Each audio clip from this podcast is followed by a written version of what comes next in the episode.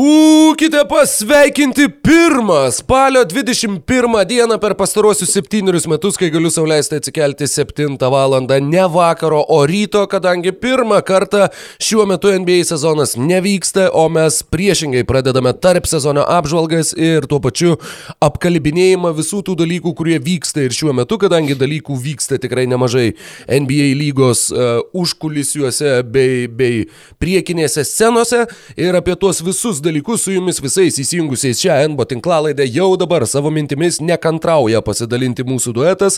Tai Rokas Grajauskas ir Mykolas Jankaitis. Sveikas gyvas Mykolai. Labas Rokai. Žinau, jog pats esi pasiruošęs, ar tiksliau užmatęs ir, ir paskelbęs tai mūsų privačiame tarpusavio susirašinėjimo pokalbėje, paskelbęs tai tema, vieną įdomią temą, kuri patraukė tavo dėmesį, tad turbūt be didesnių užuolankų. Na gerai, dar prieš pat pradedant gliaudyti tai, ką esi numatęs, kuo užsiimi dabar, kai ne, nebereikia, ar tiksliau ne, nebeišeina žiūrėti NBA krepšinio? Jo, norėjau šiaip pasakyti, kad mane neramina tavo džiugesys balse susijęs su to, kad pasibaigė NBA reguliarus e, NBA šiaip sezonas. Ir krepšinis, e, kuo užsijamu, tai kaip ir pridara e, nelabai ką prasmingo gyvenime veikiančiam žmogui, gaminu, va, FIFA nauja išėjo, darau su savo, žodžiu, Senegalo Ultimate teamą susikūriau ir bandau užkopti iki pirmo diviziono, kas yra velniškai sunku. Ir Vengeras išleido savo autobiografiją, tai dabar ją gavau neseniai iš Amazono ir pradėjau skaityti. Tai vat, tai, taip kažkaip tą laisvą laiką leidžiu šiuo metu ir žiūrėsim, kaip bus toliau. O... Nežinantiems dar galiu pasakyti, jo galite pareikšti savo užuojautą, kadangi Mykolas palaiko Arsenalo futbolo klubą. Tad, Nežinau, tad viskas, tiek... viskas labai smagu ir, ir gerai. Po, po keturių nepralaimėtų rungtynių, penkių atsiprašau, labai kažkoks išpuikęs pasidarė savo Evertono muškinėlį. Ne, matai, su Arsenalu taip jau yra, kad daug kas ten atsiprašinėja arba, arba būtent priima užuojautas, bet nuo uh, juodai balto futbolo kamulio galim grįžti atgal prie uh, Spaldingo taip, NBA tai, lygoje. Tai ta tema, žodžiu, iš tikrųjų, net ne aš ją uh, užspotinau nežinau, bet e, e, Basket News e, kolegos parašė straipsnį, kad jau naujieną, gal nelabai ne, ne straipsnį, kad Luka Dončičius oficialiai yra kandidatas numeris vienas laimėti MVP, MVP, MVP titulą ateinančiame reguliariajame sezone. Kaip tik dvi dienos prieš tai teko perklausyti porą podcastų, kur irgi du skirtingi asmenys užsiminė, kad tai Dončičius yra vienas rimtesnių kandidatų laimėti MVP titulą ateinantį reguliarų sezoną. Ir Na, kokios tau mintis, su to ar pritari lažybininkams, ar, ar nelabai šitų klausimų? Nu, bus labai sunku tą padaryti, kadangi visgi pergalių skaičius turi savo įtakos nuo, nuo pat tada, kai 2016-2017 metais Russellas Westbrookas už savo trigubo dublio žygio per Ameriką uh, sezoną buvo apdovanotas MVP apdovanojimų daugiau, visi, visi MVP titulus iškovoja krepšininkai, tai yra kas Jamesas Hardinas ir du kartus Russellas Westbrookas, ar, uh, atsiprašau, Janis Antetokumpo. Uh, tai, tai visą laiką tai buvo tos komandos, kurios, jeigu nesumeluosiu, apskritai ir laimėjo savo konferencijas ir tai yra vienas tų prerekvizitų, kurie yra būtini tam, kad tu būtum vienu iš pagrindinių favoritų iškovoti MVP titulą, tai ir yra būtent geri tavo komandos rezultatai. Dallaso Mavericks, na, Kristapo Porzingio menisko operacija yra dar viena, dar viena raudona vėliava, jau ir taip tomis raudonomis vėliavomis smarkiai apkaišytoje Latvijos karjeroje ir jeigu kitą sezoną taip pat jie negaus, na, nežinau, bent jau, na, visų pirma, neaišku, kiek truks sezonas, ar jis apskritai bus, ar bus bandoma sužaisti žaisti 82 rungtynes, ar sezonas bus trumpinamas, tad negaliu pasakyti tikslaus skaičiaus. Jeigu tai būtų 82, tai na, jeigu bent 60 rungtynių iš Porzingio Mavericks negaus kitais metais, tai kovoti dėl tų pergalių bus tikrai labai sunku. Plus, e, nors jie šią vasarą kaip ir teoriškai, na jau ne vasarą, šį tarp sezonį, labai sunku išmesti šituos prilipusius per metų mhm. metus terminus iš galvos ir juos, juos koreguoti atitinkamomis aplinkybėmis. Uh, jeigu, na, nors jie ir turi nežymiai, tačiau turi truputėlį laisvos erdvės savo algų biudžete, tačiau jie neabejotinai bandys tą erdvę išsaugoti 2021, kai dar atlikus porą kosmetinių pakeitimų, jie taip pat gali, gali teoriškai siūlyti maksimalų kontraktą tam pačiam Janiu Antetokumpo ir jie jau dabar taip pat yra minimi kartu su Miami ir turbūt Torontu, kaip tie trys klubai, kurie, kurie yra, na, tie trys grifai, kurie ratus suka arčiausiai Milvokio Bucks, laukdami, kaipgi ten viskas pasibaigs ir ar dvi selienos bus ar nebus po dar vienu atkrintamųjų varžybų. Tad 2020-2021 metų sezone na, turėtų, na, žinoma, Luka Dončičius jau po pirmo sezono atrodė, kad jau kažkokio įspūdingo šuolio nebegali padaryti, tačiau padarė tikrai įspūdingą šuolį antram sezonui. Ar dabar jau mes esam toje vietoje, kur jo, jo sakykime, karjeros trajektorija truputėlį suplokštės ir ta kreivė kiek išsitiesins? E, sunku pasakyti, didesnė tikimybė, kad taip. Ir sakau, labai labai svarbu yra pergalių skaičius, o Dalasas žaidžia vakaruose vis dar ir tikrai bus uh, sunku, sunku jiems uh, būtent tokiu būdu padėti savo komandai, tiksliau savo komandos lyderiui būti naudingiausių NBA reguliariojo sezono krepšininkų. O kaip atrodo tau? Man tai atrodo, kad e, pergalių procentas pastaruoju metu vis mažesnę rolę žaidžia MVP balsavime ypatingai. Ir ne, daug svarbiau yra šiaip e, tas e, balsuotojų nuovargis, balsuojančių žmonių.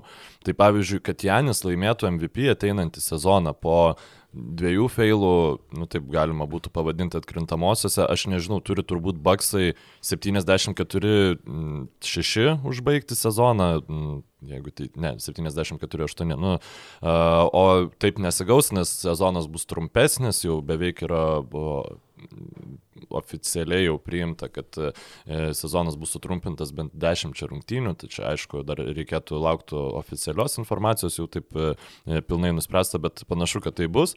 Um, tai vėl tas procentas turėtų būti uh, vos nerekordinis, kad žmonės vėl duotų trečią kartą išėlės Janui Antetokumpo MVP titulą.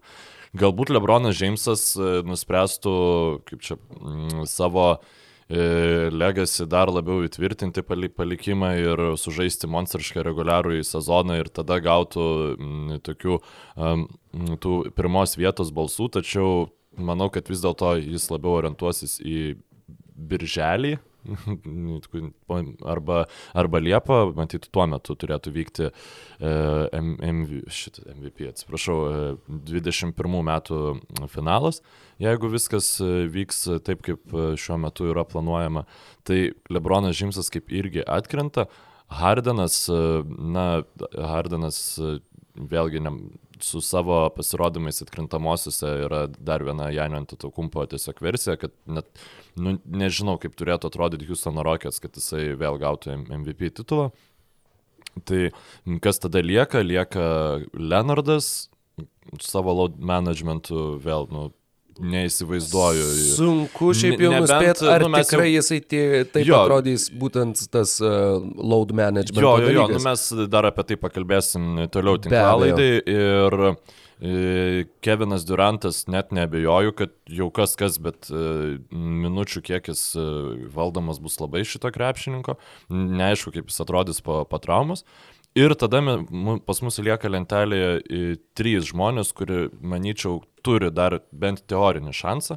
Tai yra e, Kari, kuris galėtų turėti e, tą sezoną, kurį aš galvau, galbūt jis turės e, praėjusį sezoną, žodžiu, kad bus vėl nesveikas, vėl Golden State Warriors to seksualaus palimo lyderis ir visi prisimins, koks jisai yra nerealus ir visi bus išsilgę tų tritaškių, to beprotiško judėjimo be kamulio ir tiesiog gaus daugelį balsų, bet čia jau turi eiti pergalės šalia, čia jau tu vien naratyvų nepaimsi, turi, turi būti top 3 komanda vakaruose minimum, minimum kad e, būtų e, svarstytina jo kandidatūra. Ir tada da, e, yra m, vienas iš e, pagrindinių konkurentų Luka Dončičiui, mano nuomonė Anthony Davisas. Jeigu jisai perimtų vadžias e, Los Angeles Lakers polimo reguliariajame sezone. E, tikėtina, kad galbūt daugiau matysime žaidimo mažesnių penketų, kur Anthony Davisas yra vidurio polėjas, nors čia vėl tas peripetijos labai priklausys nuo to, kaip atrodys Lakers tarp sezonės, kokius jie mainus atliks ir panašiai. Tai Anthony Davisas būtų, mano nuomonė, pagrindinis oponentas Luka Dončičiui, jis turi būti tiesiog aiškiai geriausias e, Lakers krepšininkas, nes jo gynyba dabar jau išlindo ir yra e, tema, apie kurią yra kalbama nuolatos ir spėčiau, kad Anthony Davisas yra favoritas laimėti geriausiai besiginančio krepšininko apdovanojimą ateinantį sezoną, beveik galėčiau lažintis e, iš to. O ar su juo ateitų kartu MVP titulas, kaip šiemet atėjo Janio Antetokumpo, na jau tektų pažiūrėti, tačiau vėlgi, kai tu komandai turi Lebroną Jamesą, na, labai yra sunku visą dėmesį sutelkti save. Ir dar mes turim Demieną Lillardą, kur kas čia žino, nu jeigu e, Portlando Trailblazers taiga šokteltų į top 4 e, lygoje, nu, sakykime, viskas sukrenta, Lillardas atrodo taip, kaip atrodo burbule ir e, Blazers pagaliau neišsitraumuoja ir staiga aplinki krepšininkai pradeda žaisti dar geriau. E, tai būtų toksai novatoriškas, e, tačiau to pačiu ir logiškas e, lygos ekspertų balsas už Lillardą, kuris metai iš metų yra vis labiau vertinamas kaip super žvaigždė, ne kaip tiesiog žvaigždė. Tačiau, nepaisant viso to, ką dabar išsakiau, mano nuomonė Luka Dončius yra aiškus favoritas laimėti MVP titulą ir kuo toliau galvoju, tuo aš labiau nustepčiau, jeigu jam to nepavyktų padaryti ateinantį sezoną, nes tiesiog naratyvas yra labai e, palankus ir tai yra, mano nuomonė, svarbiausias e, momentas MVP balsavime. Aišku, dabar dėl Kristapo Porzingio, tu man siuntei statistiką kažkada seniai, nu, neatsimenu kiek tiksliai tų minučių, bet ir kiek rungtynių, bet yra statistika, daugiau negu kažkokį tai skaičių rungtynių žaidė krepšininkai, kurių ūgis būtų aukštesnis negu 2,21 m, yra tik vienas Michaelas Eatonas, nes jis niekad nepašokdavo gindamas. Taip, tu gal taip. maždaug atsimeni, uh, koks ten tas rungtynių skaičius buvo, nes tiesiog va štai šita statistika parodo, kad ne Kristapas Porzingis yra traumų maišas, o tiesiog tokio ūgio krepšininkai, nu, jie visada pastoviai traumuojasi ir ne, negali žaisti pilnai savo, kari, savo potencialą. Tai vat, būtų įdomu, ar pavyktų Porzingiui e, vis dėlto atsigauti po tos traumos ir, kaip tu sakei, sužaisti 60 rungtynių, nes tai būtų labai svarbu. Antra vertus, jeigu Porzingis nežaidžia, o Mavericks e, visiems e, e, pagerina savo praėjusio sezono rezultatą, mm, tai tada Dončičius gauna dar daugiau kredito ir gauna pirmos vietos balsų. Tai mes, žodžiu, šita porsinga nebūtis gali būti kaip ir pagalba, Lukai. Gerai, žiūrėk, kontrargumentą tuomet aš tau išsakysiu. Nuo 2005 metų, o dabar spėjau sužiūrėti, pastarėjai 15 MVP titulų. Russellas Westbrookas jau yra minėta išimtis ir tai ir yra vienintelė išimtis, kadangi uh, buvo trys krepšininkai nuo 2005-2006 metų, kurie gavo MVP apdovanojimą, kai jų atstovaujamos komandos užėmė antrą vietą konferencijoje. Visi kiti buvo pirma vieta konferencijoje. Tie trys krepšininkai buvo 2005-2006 metais Steve'as Nešas, uh, Phoenixas antroje vietoje su 54 pergalėm po Spurs, 11-12 Lebronas su 46 Miami pergalėm sutrumpintam sezone, 46-20 Bulls liko pirmoje vietoje reguliariam sezone ir 2013-2014 metų Oklahoma Thunder su Kevinu Durantu 59 pergalės antra vieta po San Antonijos Spurs. Tad pergalės vis viena yra labai svarbi sudėdamoji dalis ir gerai, jeigu, jeigu nežais uh, Kristapas Porzingis ir ten pagerins nežymiai savo rezultatą Dalasas. Na vis viena penktos ar netgi ketvirtos vietos tam veikiausiai neužteks. Aš manau, ketvirtos, užtek, ketvirtos užtektų. Aš kažkaip esu įstikinęs, kad ypač jeigu Porzingis nežaidžia ir Meveriks, sakykim, žaidžia 20 mačų ateinantį sezoną ir tiesiog iškrenta ir, nu, Porzingis staiga vėl yra tas, kurį mes matėm New Yorko Knicks, o ne tas, kurį mes matėm pusę šio reguliaraus sezono Dalaso Mavericks gretose. Esu įstikinęs, kad ketvirtos vietos vakaruose užtektų. Dėl ko? Dėl to, kad e, manau, jog vienintelė komanda, kuri šluos e, kitas komandas reguliariajame sezone, vėl turėtų būti Milwaukee Bucks, o kad, nu, ar tu manai, kad ją negali trečią kartą išrinkti? Man va, šitas yra e, klausimas. Jo, Janis būtent dėl, dėl atkrintamųjų nesėkmių, aš visiškai to pritariu, labai nustepčiau, jeigu laimėtų. E, ateinačiais metais MVP titulą, kadangi netgi jeigu Milvokis ir vėl užims pirmą vietą rytuose ir tas tavo minėtas um, rinkėjų nuovargis ir tuo pačiu uh, būtent tai, jog, jog Tai situacija labai panaši kaip su Jamesu Hardenu, kai, nu jo, gerai, aha, mm, labai gerai žaidžia, šaunuolis, bet nieko nepadaro atkrintamosios. Ir nepaisant to, kad tai yra reguliariojo sezono apdovanojimas, vis vieno žaidėjo, sakykime, vertė, žaidėjo vertinimas uh, keičiasi priklausomai nuo to, kaip komanda pasirodo atkrintamosiose. Tad, jo, Janis šiais metais labai labai apsunkino savo galimybės trečią kartą išėlės būti pripažintų naudingiausių krepšininkų. Gerai, mes dar tada turim jau su 3,8 procentų šansų 1, 2, 3, 4, 5, 6, 7, 8, 9, 10 vietoje Jasoną Teitumą. Jeigu Celtics laimi rytus, Priklausomai nuo statistikos, sunku pasakyti, bet toks variantas nėra neįmanomas. Nu, man tiesiog yra sunku įsivaizduoti teitumą e, performinantį panašiam lygyje kaip Luka Dončičius, kad mes nu, galėtumėm kalbėti apie tai, kad... Gerai, yra... tai yra 28 taškai ir 7 kamoliai ir 4 rezultatyvūs perdavimai per rungtynes ir Bostonas užima pirmą vietą rytuose, drąsiai. Kodėlgi ne? Beje, kalbant apie tris kartus iš eilės laimėtą MVP apdovanojimą, tai pastarąjį kartą tą padarė dar Larry Birdas nuo 84 iki 6 metų. Trys MVP apdovanojimai. Nu jo, 28 taškai būtų, tai iš esmės e, beveik analogiškas šuolis, kurį jis padarė teitumas šiame sezone. Na, šiaip taip kaip konstruojamas yra Celtics palimas, visi jie turi Kemba Walkerį ir būt, būčiau priblokštas, jeigu 28 taškus rinktų teitumas. Taip, jeigu... Atkrintamosiuose jisai sužaidė 17 rungtynių šiais metais, rinko po 26 taškus, 10 kamolių 5 rezultatyvius perdavimus. Taip, bet atkrintamosiuose jeigu tavo komanda yra negu... tai be, beveik 41 minutė, bet tai tas žaidimo kokybės šuolis nėra toks didelis, kad tiesiog skaitinė progresija lyginant su praeitų reguliariuoju sezonu. Ir, ir toks variantas nėra neįmanomas mano manimu. Na, kad Teitumas rinktų tokią statistiką, tiesiog e, reiktų, kad Bredo Stevenso krepšinio filosofija visiškai pasimaišy, pasimaišytų, pasikeistų ir kad Luka Dončičius rinks tiek, kiek rinko praeitą sezoną ir daugiau, tai, na, manau, mes beveik esame įsitikinę. Mm. Jei, o gerai, kitas klausimas. Jeigu Meveriks perlokotų į rytus, Ne. Kiek šansų tada, ar, ar tavo nuomonė pasikeistų? Nes dabar Rytai tu nemanai, kad... stipresni. Ne, tai jie metais. bus stipresni, bet, nu, visiems tu tiesiog galėsi, rytuose tu gali žymiai daugiau lišnų pergalių pasiimti. Atsiprašau už tokį žargoną. Liaudišką, bet, taip išsireiškimą, bet, bet jis labai tinka, yra. tinka šituo atveju. Šiaip, nu, man pačiam yra keistai intriguoja šita tema, nors tikrai nemanau, kad MVP titulas, ypač reguliaraus sezono, yra, nu, toks jau žiauriai svarbus reikalas, tačiau labai yra įdomu.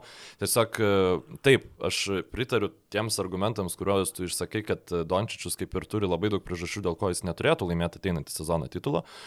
Man atrodo tiesiog, kad tie krepšininkai, kuriuos aš išvardinau, lygiai taip pat turi labai daug, turės labai daug priežasčių, dėl kurių jie nelaimėti titulą. Tiesą pasakius, Nu dabar jo, dabar turbūt nuskambės kaip, kaip e, labai toks prie, prieštaringas pasisakymas, bet mano manimu, Ką tik tai šovė į galvą, tai dabar dar bandau pasverti iki galo visus už ir prieš. Galbūt ir nedaugiau, bet maždaug panašius šansus laimėti MVP kitais metais turi ir Dončičius, ir Jokičius nes Denveris turi tikrai geresnius šansus sužaisti labai gerą reguliarų sezoną, jeigu Jokičius vėl renka labai gerą statistiką, jeigu Nuggets, pavyzdžiui, laimi vakarus, tai yra daug didesnis, daug didesnis pamatas būtent reguliariojo sezono MVP apdovanojimui, negu kad e, labai garbingai kovota ir draskytasi ir užimta penktą vietą vakaruose. Gerai, tada noriu tave biškai paprovokuoti, jeigu galima. E, ateina, Maloniai, ateina pas tave žmogus, duoda tau nu, pinigų, nu arba tiesiog pri, priremia Gerai, šautuvą prie galvos. Pati... Ne, prieš tai man labiau patiko. Gerai, kitaip, pri, priremia šautuvą prie galvos A, ir, ir sako, pinigų. tau vat reikia visą savo gyvenimo turtą e, pastatyti ant MVP, nu, ant krepšinko, kuris laimės MVP ateinantį sezoną. Ką tu rinkėsi? Kurioj lygoje? Gerai, gerai, ko, bet kurioj. Ne, šiaip NBA, nu mes apie NBA. A, mes apie NBA kalbam. nu, žinok, čia man, aš, aš paprašyčiau laiko iš to žmogaus ir, ir norėčiau gerai apgalvoti savo, savo pasirinkimą. Gerai, o jeigu tada pirmas variantas, kad duoda kapšą pinigų ir sako, tu nu, juos atgausi tik tokiu atveju, jeigu tas krepšininkas laimės MVP ir reiktų greitai priimti sprendimą. Čia visko gali būti. Aš neabejoju. taip, tas, tas pats, pavyzdžiui, Joelis Embidas arba Benas Simonsas, jeigu Sikseriai netyčia išlystų ir, ir sužaistų nuostabų sezoną, liktų pirmi rytuose, vienas kažkuris iš jų būtų ryškesnis lyderis už kitą.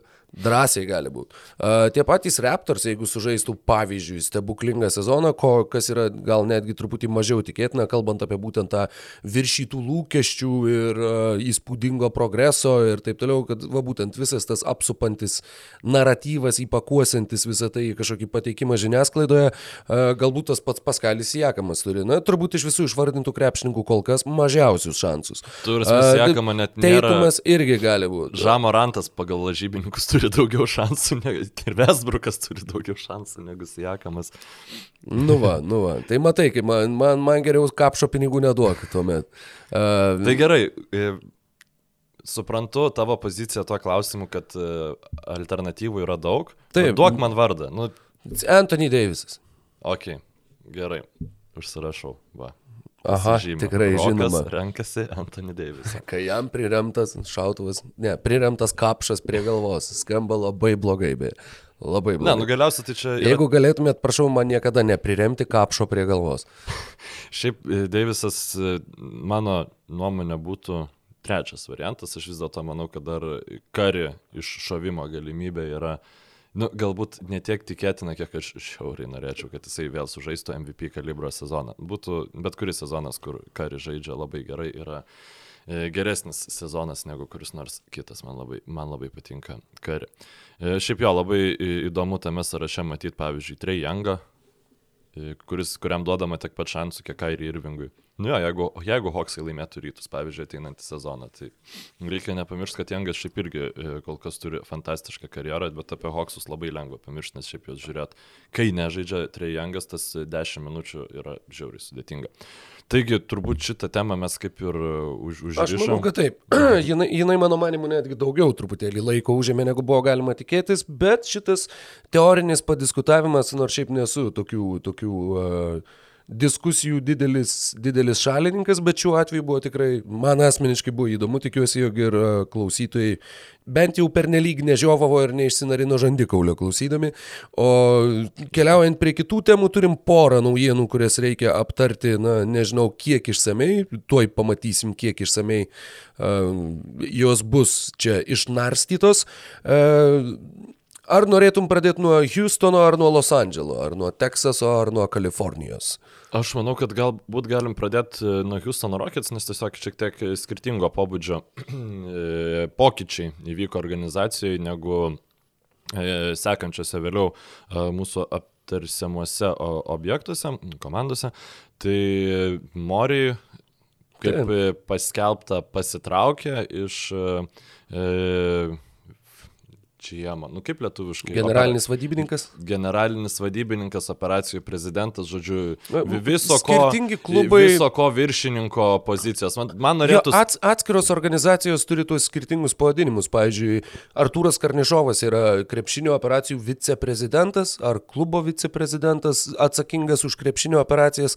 Iš esmės tai yra ta pati funkcija, kurią atliko Derelas Mori Houstone, būdamas generaliniu vadybininku, e, kurią, nežinau, kitur yra krepšinio operacijų prezidentas Jo, nes, pavyzdžiui, ir atskirai generalinis vadybininkas. Nagetsuose buvo Taip. nu, pagal poziciją, bet Ir jisai buvo antras- antras žmogus. Tai man tas e, reikėtų, žinai, sakau, vis, viso ko vadovas. E, Rišelie, šito klubo Rišelie. Okay, per- Pilkasis kardinolas. Turint omeny, kad jo, mes per- šitą podcastą įrašinėjom dažniausiai anksti rytais, tai man šitas žodis yra per didelis iššūkis. Arba. Tai, Vis šito klubo Faberže. tai iš karto e, Houston Rockets jau turi naują mm, žmogų jo pozicijoje, tai e, yra A, nes vis tiek neatsimeni. Rafaelis Staunas. Žmogus. Yra naujasis generalinis vadybininkas, žmogus, kuris buvo Mori dešinioji ranka a, iš esmės ir klube taip pat praleido ilgus metus. Įdomiausia tai, ką buvo įmanoma apie jį ras, na, perskaičius pakankamai ne, nemažai medžiagos buvo, kad e, jisai baigė Stanforde teisę. Aštuoneri metai po studijų pabaigos jisai jau turėjo labai, labai didžiulę, labai gerą teisininko reputaciją, turėjo labai daug e, patenkintų klientų, buvo 32 metų ir buvo, e, tapo partneriu vienoje iš pagrindinių, na, stipriausių New Yorko teisės, nežinau kaip tai vadinasi, organizacijų, firmų, Dewey Ballantyne, jisai tapo partneriu tenai.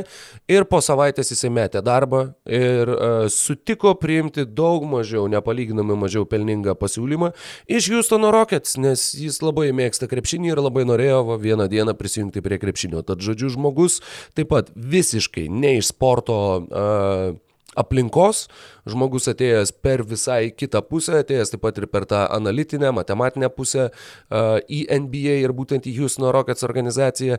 Ir uh, pats Darylas Mori yra nekartą jį vardinęs kaip vieną iš taip pat uh, pagrindinių idėjų autorių, sakykime, visoje Darylo Mori sistemoje. Ir na, tai užbėgant galbūt truputį įvykiams už akių, tačiau uh, tai yra žmogus, na, toks Houstono pasirinkimas atrodo, jog tarsi ne, nepakeičia organizacijos krypties, a, jog nors Derelas Mori pasitraukė, tačiau ne, neieškojo kažkokio konservatyvesnio, sakykime, to e, savo krepšinio operacijų vadovo, e, o liko ties tą pačią filosofiją, savininkas Tilmanas Vertita ir e, Tai taip pat daug klausimų uh, sukelia, ką toliau darys jūs nuo Rockets, kaip toliau atrodys komanda, kokie sprendimai bus priimami. Tų sprendimų galimų kaip ir nėra labai daug. Komandos uh, milžiniškas, faktiškai 90 procentų algų biudžeto yra trys krepšininkai, tai Hardenas, Westbrookas ir Erikas Gordonas. Uh, komanda ženkliai sensta, visiems išvardintiem virš 30, PJ Tuckeriui 35 ir... Vis, vis dar yra geriausias Rockets kontraktas. Taip, be jokios no, abejonės. Uh, ir, ir, ne, 8 milijonai už Tuckerį, fantastika. Uh, Ir būtent, ir buvo netgi pasirodę gandų, kalbų, jo galbūt Houstonas uh, ieškos būdų Westbrooko iškeisti, tu faktiškai negali niekur, uh, tad galbūt netgi atsisveikinti su Hardenu, verst kažkokį naują puslapį, bet pats Tilmanas Fertita, tai yra klubo savininkas, patikino, kad ne, čia be šansų, čia nesąmonė, mes tikrai, mes turim vilčių, mes, žodžiu, kaip jisai tą paaiškino, dabar žodis žodį nepapasakosiu, bet kad jeigu tu nori laimėti titulą, tu turi būti viena iš keturių geriausių savo konferencijos komandų ir tada tau turi pasisekti. Nes visieną visi, kas laimėjo, visiems kažkas bent kažkiek tai pasisekė. Tai jo manimų komanda dar nėra tiek, tiek e, nusenusi toli gražu, kad, kad nebūtų viena iš keturių geriausių konferencijos komandų ir e, savininkas planuoja bent jau e, išlaikyti tą, patį, tą pačią kryptį, toliau bandyti stiprinti tą pačią sudėtį, kažkaip pernelyg nedraskyti to brandolio, nekeisti žaidimo filosofijos teoriškai, kol dar nėra paskirtas naujasis treneris. Ir beje, Tilmano Fertitos e, pusbroliai Lorenzo ir Frankas e, kurį laiką e, nežinau, ar buvo kažkokia tai dalimi, ar tiesiog jiems ir priklausė visas UFC, visa organizacija, kovos, kovos menų, kaip tai pavadinti, na, akivaizdžiai ne mano dalykas, bet, nu, UFC, žodžiu, jo Visi pusbrolių žino, buvo. Kam reikia, o kas, kas nereikia, tai ir nesu. Ir tuo pačiu tai yra labai tas, tas žmogus, kuris, na, turi tokių na, irgi žvėriškai turtingas, sumokėjo 2,2 milijardo už Houstono Rockets, tačiau dabar yra kalbama, kad jis labai nenori uh, mokėti papildomai visų prabangos mokesčių ir taip toliau, jisai nėra pasiruošęs uh, švaistyti pinigų rezultatui, kuris jo netenkina. Uh, mainai kurių metu buvo gautas Westbrookas ir Krisas Polas išsiųstas iš Houstono, Du skirtingus variantus teko matyti, jie kaip ir iš dalies neprieštarauja vienas kitam. Tai vienas, kad Jamesas Hardenas iš esmės pareikalavo tų mainų, kad, kad aš su mhm. Polu žaisti nenoriu, o tai su kuo mhm. noriu žaisti, va su Vesbruku galėčiau žaisti. E, ir kitas, kad Tilmanas Fertita taip pat e, faktiškai vos ne davė instrukcijas Derilui Mori, kad šita komanda dabar nežais, mums reikia keisti komandą ir žiūrėti, ką, ką galim padaryti, nes mūsų tokie rezultatai netenkina.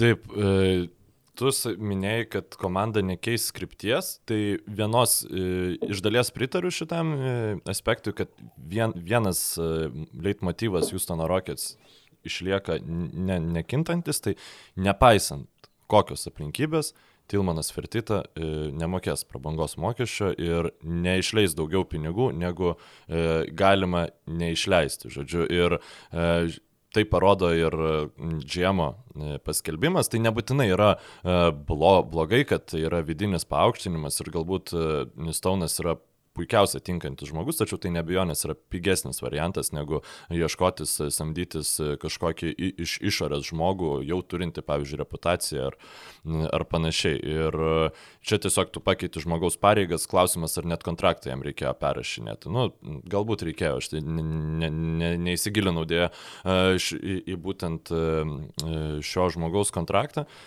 Šiaip pats gan pykstu ant Fertitos dėl jo šito konservatyvaus požiūrio, tiesiog vienas visas čempioniškas komandas vienijantis dalykas, nu, daugelį.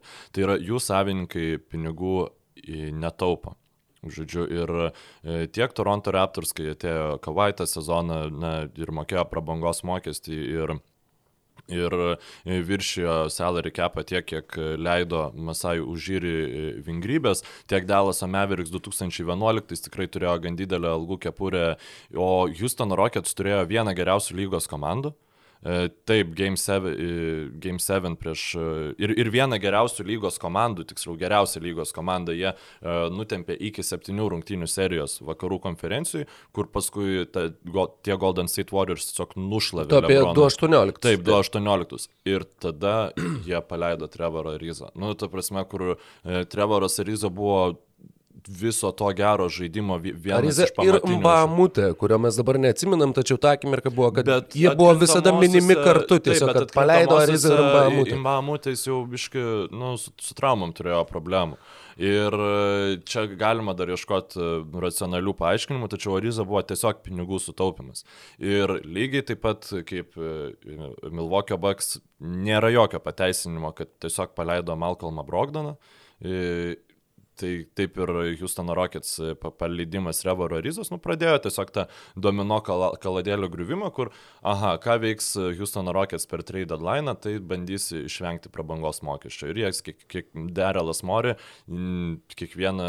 Mm, sezoną labai sėkmingai tą darė ir manau jį ir pati turėjo užknisti. E, man šiaip gaila, tikiuosi, kad Derelas nori sugrįžti kurią nors komandą, nes man labai patinka oportunistai, man patinka kurie uh, žmonės, kurie mato, kad aha, mes taip kaip daro visi mes nelaimėsim, tai galbūt tada reikia pabandyti kažkaip kaip niekas nedaro, gal nepavyks, na šiuo atveju nepavyko, tačiau tą patį eksperimentą man buvo, jo ir De Antoniui man buvo labai įdomu stebėti ir tikiuosi, kad jisai e, pereis į kokią nors komandą, na, pavyzdžiui, pavyzdžiui, jeigu Sacramento Kings nebūtų jau e, pasiskelbusi savo naujo džemo, tai Derelas Mori ten būtų tikrai visai įdomus variantas, kuris e, galėtų šitus e, visus tos Kings resursus paskirti kažkokiam vieningam, aiškiam požiūriui, ne, nes to kai kuriam komandam labai trūksta ir tą man yra labai smagu matyti.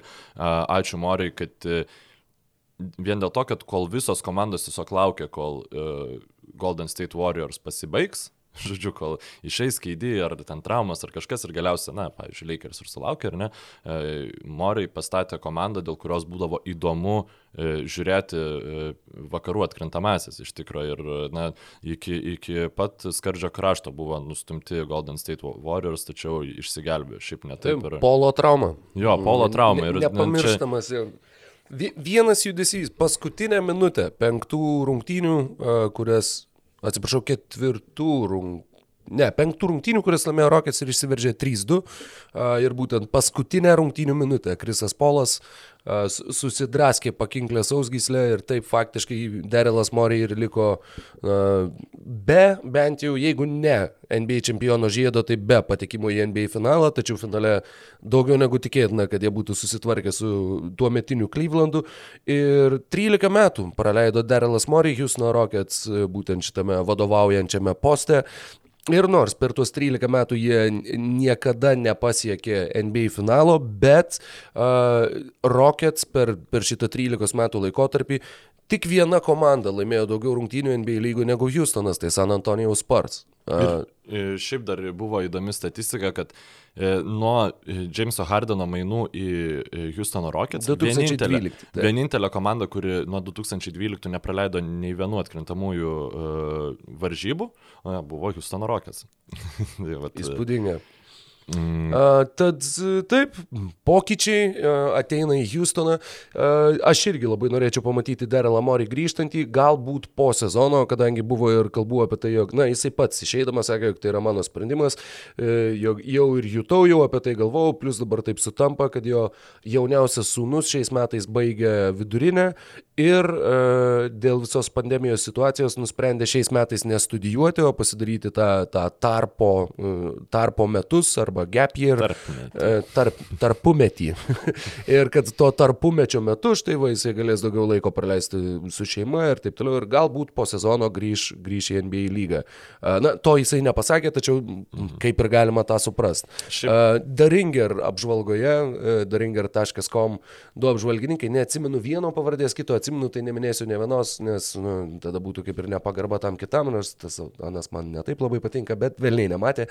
Uh, Aš nekėjau, kad tu duok man šūdiniausią NBA komandą, nu va tą, kuri dabar šūdiniausia situacijoje ir sakai, Pistons. Sakai, nu gerai, Pistons arba, nu. Ir Sakai, vat, per trejus metus aš galiu, be, nu, blažintis, kad Mori atvestų juos į atkrintamasis.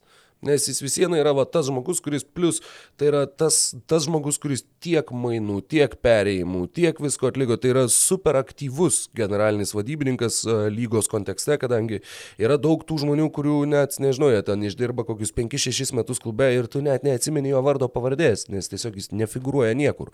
A, tad Derilas Mori tikrai nėra tas žmogus ir a, tuo pačiu jis taip faktiškai revoliucionavo krepšinį, kadangi pagal Houstono modelį visi vis meta daug daugiau tritaškių, netgi ir čia, nežinau, netgi Lietuvos krepšinio lygoje yra komandų, kurios meta daug tritaškių, daug baudų arba iš pokrepšio, iš vidutinio nemeta.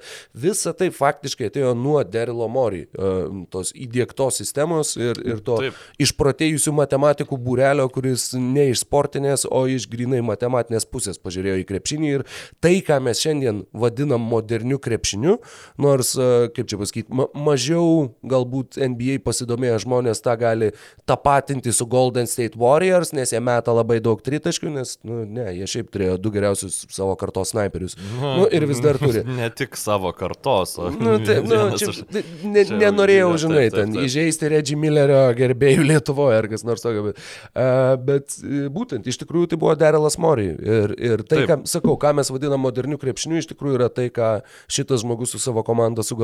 Tad tai yra vis viena užvertimas šiokio tokio puslapio, tačiau tai yra, kai, kai jau tau berašant tą knygą, rašalas išsipylė ant šimto popieriaus lapų po to, kuriuos tuos lapus išsinešiojo kiti ir nors tu knygą jau užvertai, bet tas pėtsakas jau yra pasklidęs po visur ir netgi gerokai už NBA ribų. Aš gal taip pasakyčiau, kad Warriors e, užrodė, kaip efektyvu, koks efektyvus gali būti polimas, kuris yra uh, sufokusuotas aplink tritaškus, tačiau Mori ir Deantoni supaprastino uh, tą polimo schemą, kuri yra tikrai na, labai aiški ir uh, ko nedaryti ir ką. Bet jinai yra reikia daryti. skirtinga. Warriors yra paremta judėjimu be kamulio. Taip, tai būtent. Rockets yra tai- paremta tai kamulio aš- nejudėjimu. Tai aš tą ir norėjau Tai- pasakyti, kad e, tas e, Warriors e, žaidimo stilius buvo mm, toksai dėl to, kad na, Kari yra geriausia be kamulio e, judantis visų laikų krepšininkas, prasme, nu, ir geriausias metikas tuo pačiu. E, Ir tą atkartoti yra labai sudėtinga, jeigu tu tiesiog neturi tokio lygio snaiperių. E, Krepšininkus gerai pataikančius iš aikštės kampų ir, na, okay, ne Jameso Hardeno lygio uh, isolation krepšininkai, atsiprašau, ne, ne, ne, ne, neškau atitikmens dabar, uh, ne visi turi, nu, daug, niekas beveik neturi, tačiau uh, krepšininkai, kuris gali re, bandyti replikuoti, tai turi žymiai daugiau komandų ir tiesiog tą efektyvų krepšinį pradėti žaisti pagal šitą morį filosofiją yra žymiai paprasčiau negu bandyti atkartoti tai, ką daro Golden State Warriors. Visiškai Ir- pritariu. E, Tai vad tiek tada mm, būtų iš mano pusės dėl e, Moriai išėjimo, tikiuosi, kad jisai sugrįž. O Taip, o tas, na, paskirimas, nežinau, e, irgi kur niekas visiškai nieko nežinojom apie Rafaelį Akmenį, jeigu apsimetat, kad žinot, tai jau žinom, kad apsimetat. Ir e, ar jiems reikėjo ieškoti kažkokio visiškai priešingo žmogaus?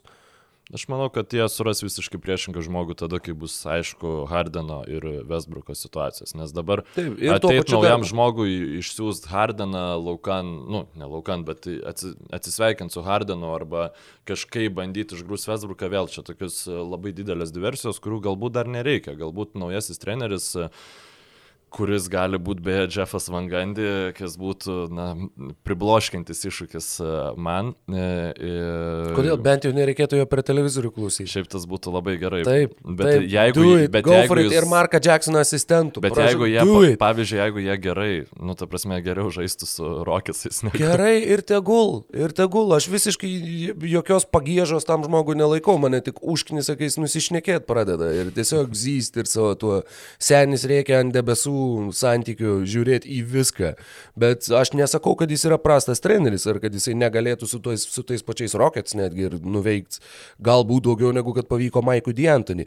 Bet D'Antoni, e, kai baigėsi sezonas, e, susitiko su žaidėjais, susitiko su Derilu Mori, laukė Tilmano Fertito skambučio ir tiesiog jo nesulaukė. Ir tada D'Antoni ir pats atsistatydino, tiesiog pranešė, na, bent norėdamas išsaugoti e, orumo ir, ir neva savo sąlygomis pasitraukdamas ir tas Diantoni pasitraukimas ir tuo pačiu Fertitos santykis su Diantoni ir nepagarba parodyta turėjo įtakos galimai ir Derelo Mori pasitraukimui vien dėl to, kad nu, tai yra savininkas, su kuriuo, nu, nu gali būti, kad tau tiesiog va, darbdavys, kur tu nejauti pagarbos, tau atrodo, kad jis su tavimi elgės kaip su pakeičiamu objektu, kur, kur visiškai nusispjaut, ar tu čia esi ar nesi, jeigu tavęs nėra, tai bus kažkas kitas ir čia dar geriau bus, nu, tai tada tai ir vėlniai nematė. E, dar yra viena tokia detalė, apie kurią, e, nu, kurios šimtų procentų patvirtinti aš negaliu, tačiau nežinau, kiek iš žiūrovų žino, kad e, penktosios finalo rungtynės jau buvo transliuojamas per nacionalinį Kinijos kanalą CCTV. Taip. Šiaip visos rungtynės buvo transliuojamos per jų uh, Tencent platforma, kas yra, nu, kaip jeigu palyginus Lietuvos terminais, tai vat, TV3 Sports būtų tas mhm. Tencent, mhm. kur yra mokamas Mokama, sporto ja, okay. E, kanalas arba, nu, sunkiau, sunkiau prieinamas, o CCTV būtų kaip LRT, kur e, yra rodomas e, kiekvienoje makaroniniai, koldūniniai arba mm. kiekvienam barentą, prasme, net ir, nežinau, mano kempuse, kur kai, kai mokiausi kopijuoti eidavom, telikas rodydavo CCTV ir galėdavai pažiūrėti NBA ir tai jeigu ten vykdavo, tai yra visiškai kitas ryčias ir po praeitų metų mm, vasaros na, to skandalo, kuomet Mori patvirtina Free Hong Kong, e, žinoma, Kinija nerodė, bet būtent per CCTV jokių absoliučiai rungtynių iki penktojo finalo, e, penktųjų finalo rungtynės serijų, e, serijos mačo. Ir yra žmonių kalbančių, kad tai, kad Mori atsistatydins, buvo jau aišku po burbulo. E, žodžiu, kai jau Rockets iškrito ir kai išėjo D'Antoni, kad jau buvo aišku, kad Mori irgi neliks, Ir aš maniau, kalbančių, kad buvo daug anksčiau, aišku. Mm. Tiesiog, kad nenorėjo uh, lyga padaryti to, sakykime, iš karto, kad neatrodytų tai kaip pernelyg ryški Kinijos taip, įtaka, o taip, tiesiog taip. atseit nesikišo, bet dauguma, žodžiu, nujautė, kad šitas sezonas Darylui Mori yra paskutinis. Tik patikslinsiu, tai buvo ne, ne kaip ten ne Free Hong Kong, o Fight for Freedom Stand with Hong Kong. Jo, atsiprašau. Je, je, jeigu cituojam, tai cituojam. Taip, taip, taip. taip. Tai, atleiskit už miscitaciją Siaubas, kokia, kokia tragiška frazė eina Vilniop. E, taip, e, aš šiaip nu, labiau palaikau tą poziciją, kuri teigia, kad e, tai buvo susijęs sprendimas finansiškai iš Fratitos pusės, kad e, tiesiog nu, žmogus, kuris visus atrodo sprendimus savo gyvenime e, priema galvodamas apie pinigus, kas nu, yra normalu, jeigu tu esi milijonierius, turbūt taip jo ir tampi, ar ne? Ir, na, Kinija Rockets franšizai įneždavo daugiau pinigų negu bet kuriam kitam klubui ir tas Moriai tweetas kainavo irgi Rocketsam daugiau negu bet kuriam kitam klubui, tai, e, na, manau, kad e, finansiškai tai nu, pasiteisins Mori išėjimas. Ir aš šiaip labai nesmagu, kad taip, taip yra žodžio laisvė.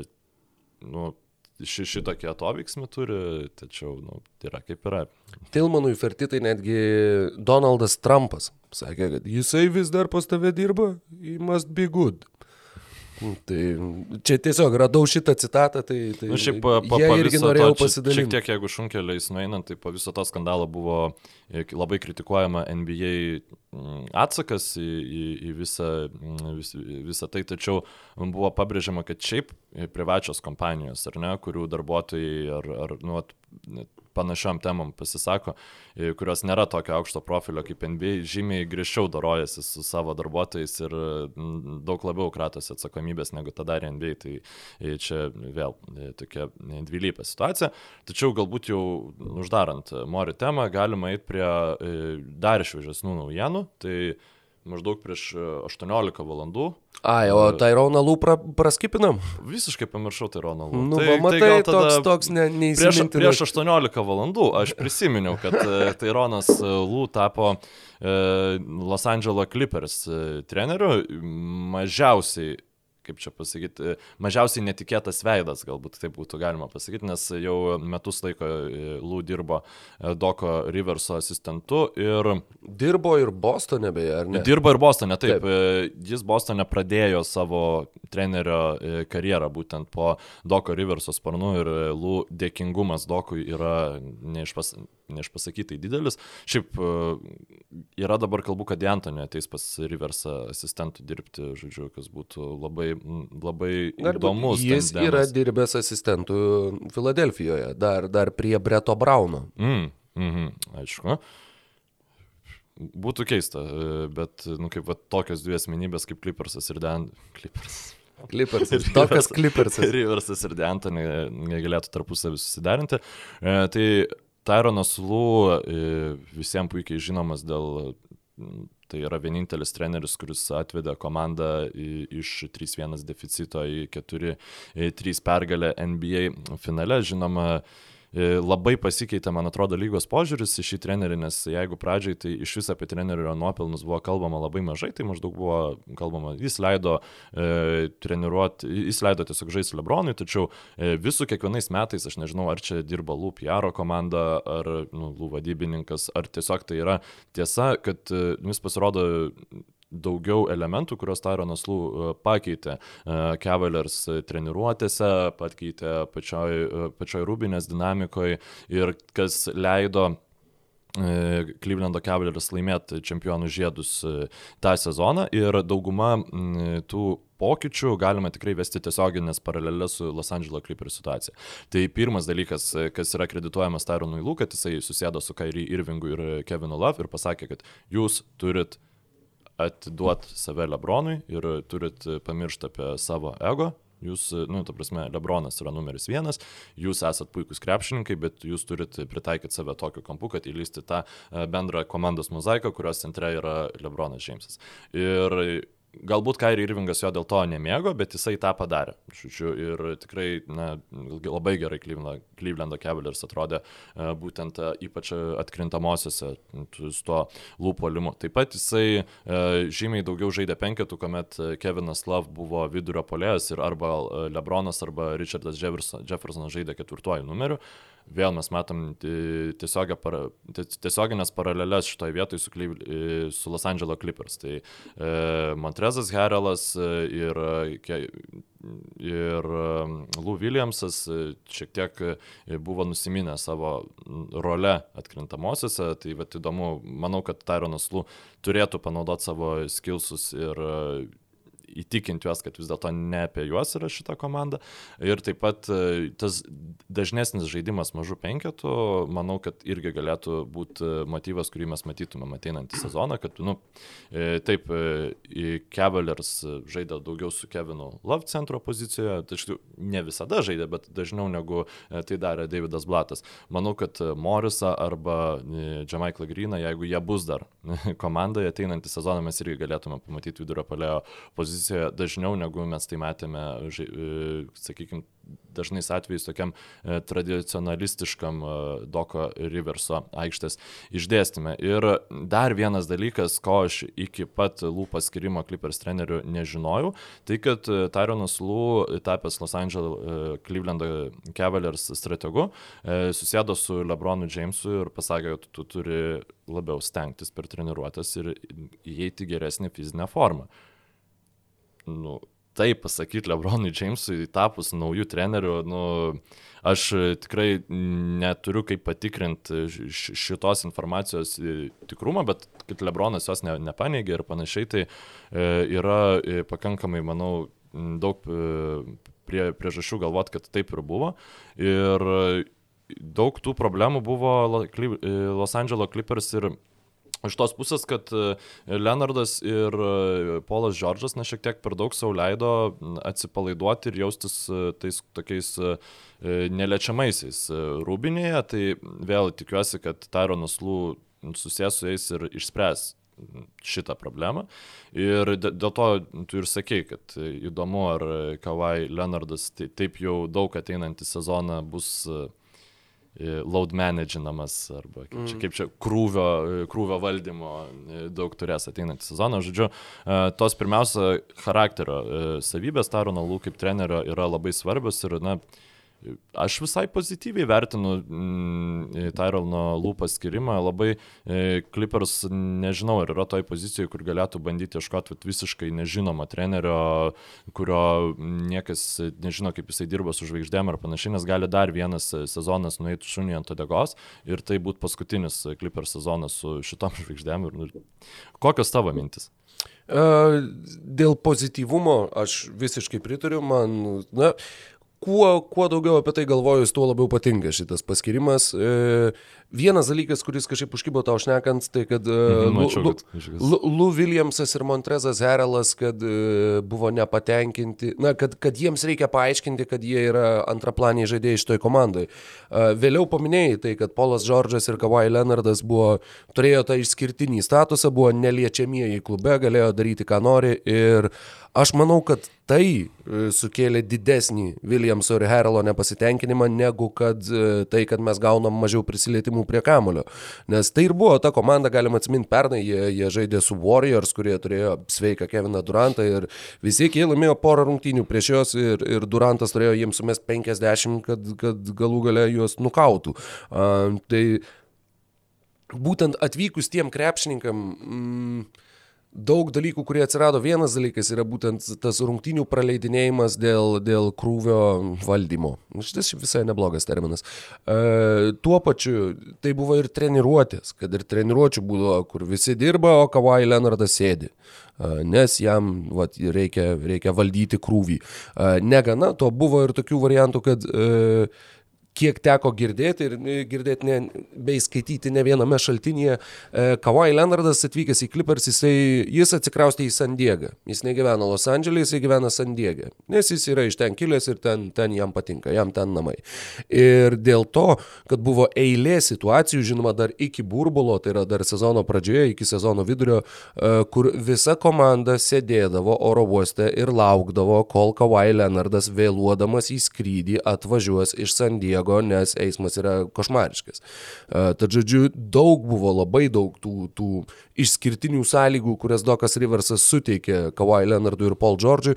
Galbūt tai buvo dar, atsimenant ir tą, ką paminėjai, berots praeitoje tinklalaidėje, taip, kad Duncanui neleido skraidyti su, su šeima, tai už tai jisai netėjo į Orlandą. Tai galbūt Dokas Riversas dabar perkompensuoja visą tai ir, ir klydo toje vietoje. E, kalbant apie Tyroną Lū, taip pat tai buvo mm, žmogus, kur e, citata yra štai tokia, kad nustok būti toks pasyvus, Nustok praradinėti kamolius ir ger... Puh, atsiprašau. Ir ger. ir ger, ne, ne ger. Guards buvo angliškas žodis. Ir deng Dreymondą. Jis rėkė ant Lebrono Jameso 7-16 metų finalo rungtynių ilgos pertraukos metu. Ir kad Lebronas žiauriai įsižeidė ir kad kaip čia galima ant jo rėkti. Ir tada nuėjo į Rūbinę, kur buvo visi kiti žaidėjai. Ir tada Tyronas Lu atėjo į Rūbinę, kur buvo visi kiti žaidėjai. Ir tą patį rėkė jam į veidą dar dar kartą prie visų žaidėjų. Ir kad jisai taip pat, na, Lebronas tada buvo visiškai, na, tiesiog, nežinau, pradėjo garai verštis iš ausų ir taip toliau. Ir tik neatsimenu, su kuo jisai kalbėjo, ar su, galbūt su Čeningu Fry, nes Čeningas Fry visada buvo tas, tas uh, diplomatas, -hmm. kuris sugebėdavo išspręsti panašias situacijas. Ten buvo tie rūbinės gurų. E, atsiprašau, Jamesas Jonesas buvo e, ten toj situacijoje, mm -hmm. o taip, bet, bet, nu, taip, išvertus į mūsų kalbą būtų, bet seniai, jo, Nu, taigi, ar, jisai, ar jis netiesą sako? Ir kad, žodžiu, kad tai taip pat buvo, ta kalba buvo vienas iš uh, taškų, kurie padėjo kavalieriam nepalūštose septintose rungtynėse. Dreymondas Grinas tuo metu buvo sumetęs, ten, penkis iš penkių tritaškių per pirmą rungtynių pusę. Nes Lebronas jo tiesiog nedengė ties tritaškio liniją, taupydamas jėgas. Mhm. Uh, ir uh, tai taip pat yra tas dalykas, kurio reikia, va būtent to žvaigždžių nuleidimo ant žemės, uh, tokio, kai reikia apriekti, kai reikia sutvarkyti, kai reikia žinot, kaip prie kurio prieiti. Tyronas Lū turi tuos dalykus. Tyronas Lū tuo pačiu ir taktiškai yra geras treneris, kuris sugebėjo su ta Klyvlando komanda gražiai juos, juos sudėlioti ne tik 2016, bet ir 2017 metais, kai, kai jie nors ir nelaimėjo titulo, nes tiesiog neturėjo vilčių tą padaryti, bet per atkrintamasis iki finalo nuėjo ar net 12-0 per visą rytų konferenciją. Uh, ir Pala, dabar, dabar man pačiam parūpo pasižiūrėti, kaip nu, tenai šiaip ten buvo. Iki pat to J.R. Smitho smegenų užšalimo lemiamomis minutėmis Clevelando Cavaliers, na, atrodė tos atkrintamosiose, na, smarkiai virš savo galimybių ribos. 12-1 buvo. E, rytų finale Celtics vienas laimėjo rungtynės prieš Clevelandą 2-17, iki tol 4-0 Pacers, 4-0 Raptors. Ai, pala, tai čia su, su, supainiau, žodžiu, atkrintamasis, atleiskit, nes, nesmerkit manęs, čia, čia 17, ne 18. Nu, žodžiu, taip, bet e, gerai jis e, varė su, ta, su Clevelando Cavaliers ir ta, visi tos komandos nuopelnai, nu, logiškai Lebronui Jamesui atitenka. Nu ir dabar mes Los Angeles Lakers čempionų žiūrėjome. Nu, pirmiausia, niekas nevertina Vogelio. Ta prasme, nu negali sakyti, kad niekas nevertina. Taip, tačiau jisai tikrai negauna tiek um, nuopelnų. Kiek, pavyzdžiui, kiek... Nikas Narsas gavo pernai. O nu, taip, tarkim. ir tiek, kiek jų yra nusipelnęs. Jo, jo, tai... Tad, e, man atrodo, čia yra turbūt pirmas trenerio paskirimas šio tarp sezono metu, dėl kurio mes abu sutinkam, kad tai yra geras žingsnis. Taip, dėl uh, Sixers nesutapo mūsų nuomonės, Taip. dėl uh, uh, Hoibergo nesutapo mūsų nuomonės. Hoibergo. Billy Donovan. Nu, va, pateito patatas.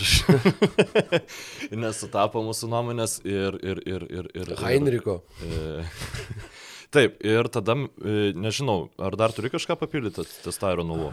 Manau, kad visai, visai pakankamai aiškus sprendimas, pakankamai aiškus motyvai ir pakankamai aiškus visi veikėjai šitoje lygtyje.